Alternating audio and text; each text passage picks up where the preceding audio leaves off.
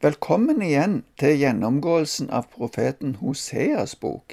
Sist gang så, så vi på kapittel to, men ble ikke ferdig med det siste avsnittet.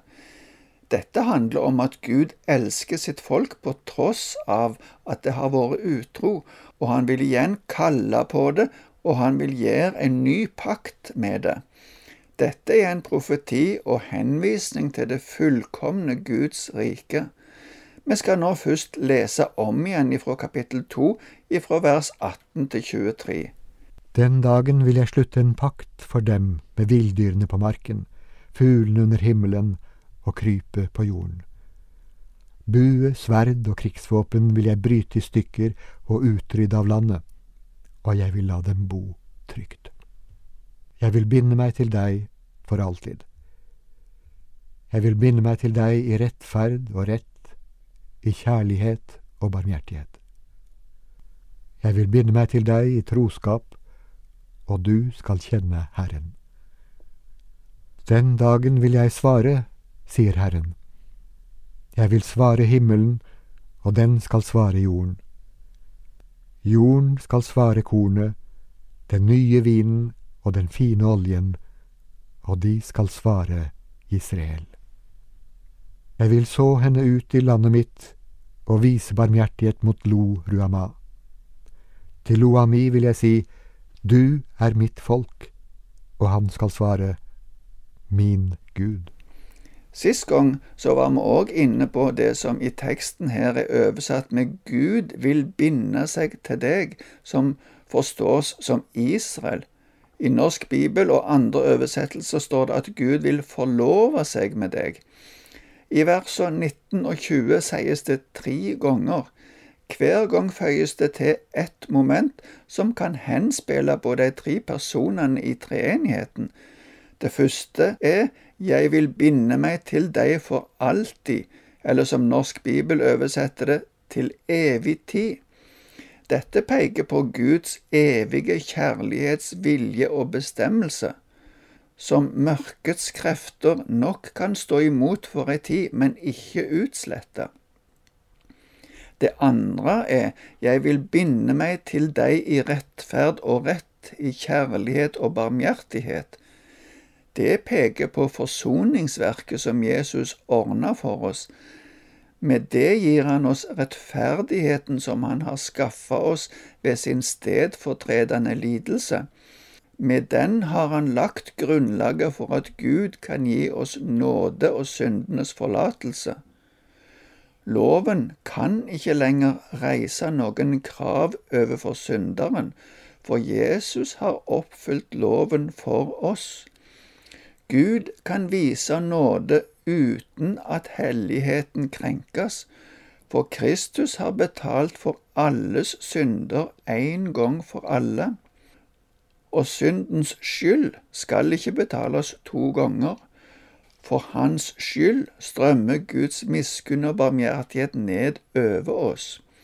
Det tredje er Jeg vil binde meg til deg i troskap, og du skal kjenne Herren. Dette peker på Den hellige ånds virkning av nåde, som vekker opp det trofaste sinnelaget der hvor det før bare var troløshet. Ordet kjenne innebærer et intimt kjennskap som mellom ektefolk, altså noe mye tettere enn det å vite om eller ha kunnskap om en person. I versene 21 og 22 ser vi at Gud vil sørge for at også naturens krefter skal vise sin velsignelse.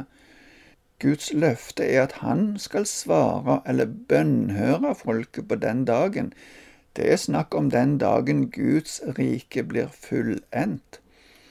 Israel kalles her Israel, som navnet på den første sønnen til Hosea. Israel betyr, som vi har sagt tidligere, Gud sår. Her kan det vise til at Gud har sådd både folket og sitt ord ut i verden, og nå kommer svaret, høsten. Her er det ikke snakk om forbannelse, slik som det var i kapittel 1, men at Gud vil gjenreise Israel. Disse ordene er som et kjede Jorda vil gi sitt svar til kornet og druene og oliventrærne som er sådd, men for at disse skal gi sin frukt, må òg jorda få svar ifra himmelen om regn og varme. Men alt kommer i bunn og grunn ifra Gud. Han som begynte den gode gjerning, vil også fullføre den, eller som hebreerbrevet uttrykker det i kapittel 12, med blikket festet på ham som er troens opphavsmann og fullender, Jesus. Det er Gud som gir fruktbarhet, ikke Baal som ble tilbedt som fruktbarhetsgud. Også navnene til de to andre barna til Hosea, som var profetier om straff, vil nå bli omgjort til vitnesbyrd om Guds nåde og kjærlighet. Ordet lo, som betyr ikke, som sto i starten av disse navnene, blir tatt bort, slik at hun som ikke fikk barmhjertighet, nå får barmhjertighet, og han som ikke lenger kunne bli kalt Guds folk, skulle igjen bli kalt Guds folk. Og dette folket på si side vil svare Min Gud. Med andre ord, vil de en gang holde Herren som sin øverste Gud og leder, som de gir hengivenhet, ære og tilbedelse.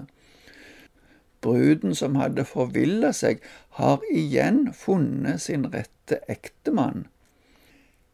Det vi nettopp har snakket om ut ifra en profeti med ord, vil nå skje som en profeti i handling, der Hosea skal vise i praksis hvordan Guds holdning overfor Israel er.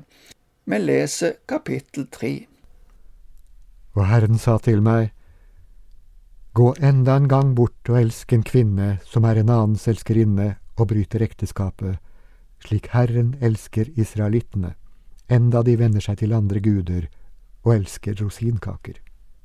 Så kjøpte jeg henne for 15 shekel øl og en homerbygg og en letekbygg.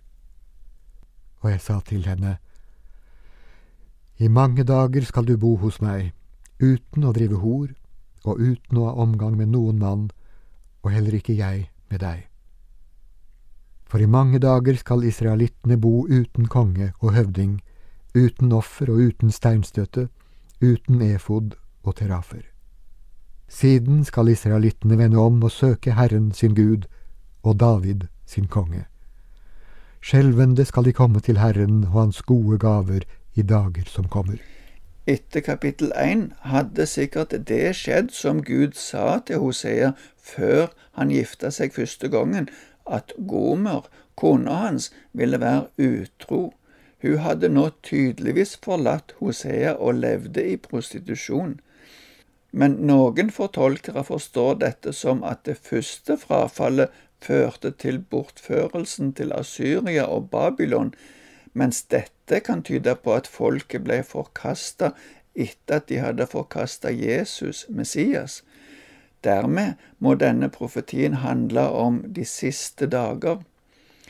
I mange dager skal israelittene bo uten, og så ramses det opp forskjellige ting som var sentrale for samfunnet og gudsdyrkelsen. Israel skulle i lang tid ikke kunne ha noe av dette, verken et nasjonalt fellesskap eller en felles gudsdyrkelse. Det er flere som forstår disse ordene som en profeti om den lange tida Israel har levd blant de andre folkeslagene uten å kunne dyrke nasjonalfølelsen.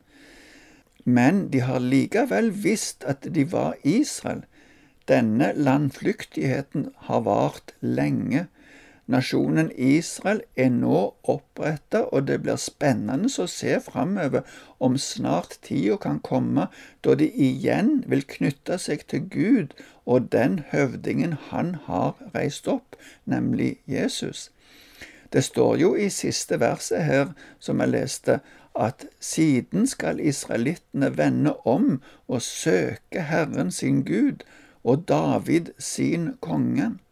Det er klart at det gjelder ikke kong David, som allerede på Hosea sin tid har vært død lenge. Det er en profeti om at de skal ta den Davidssønnen som mange profetier handler om, nemlig Messias, som sin konge. Det må ha vært ydmykende for Hosea å kjøpe tilbake kvinner som han egentlig var gift med. Slik ser vi òg at Jesus ydmyka seg. Paulus forteller i Filipperbrevet kapittel 2 vers 6-8 om denne handlingen hos Jesus. Han var i Guds skikkelse og så det ikke som et rov å være Gud lik, men ga avkall på sitt eget, tok på seg tjenerskikkelse og ble mennesker lik. Da han sto fram som menneske, fornedret han seg selv og ble lydig til døden, ja, døden på korset. Og Peter skriver òg om denne handelen i sitt første brev i kapittel 1 vers 18 og 19. Dere vet at det ikke var med forgjengelige ting som sølv eller gull dere ble kjøpt fri fra det tomme livet dere overtok fra fedrene.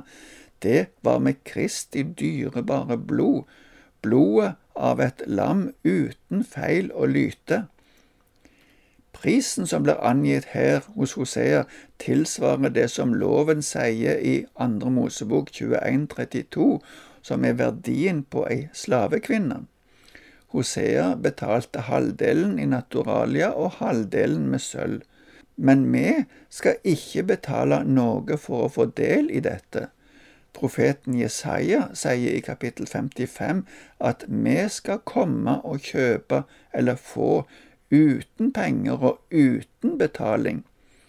Jesus betalte hele prisen med sitt eget liv. At israelittene skulle vende om, som det står her, gjelder ikke bare de ti stammene i nord, men alle Israels barn. Det står at de skal komme skjelvende. Det innebærer muligens at de innser at de har feila ved ikke å komme tidligere, og i ydmykhet ber de om tilgivelse for det, og for at de ellers har vært ulydige og utro mot Herren men det innebærer nok òg ærefrykt og dyp respekt for det verket Herren har gjort for dem. De vil få del i alle de gode gavene Han har å gi. Men jeg tror òg dette kan gjelde for alle som er Abrahams barn i kraft av trua på løftet. Det gjelder òg for deg og meg som tror på Jesus. Herren velsigne deg.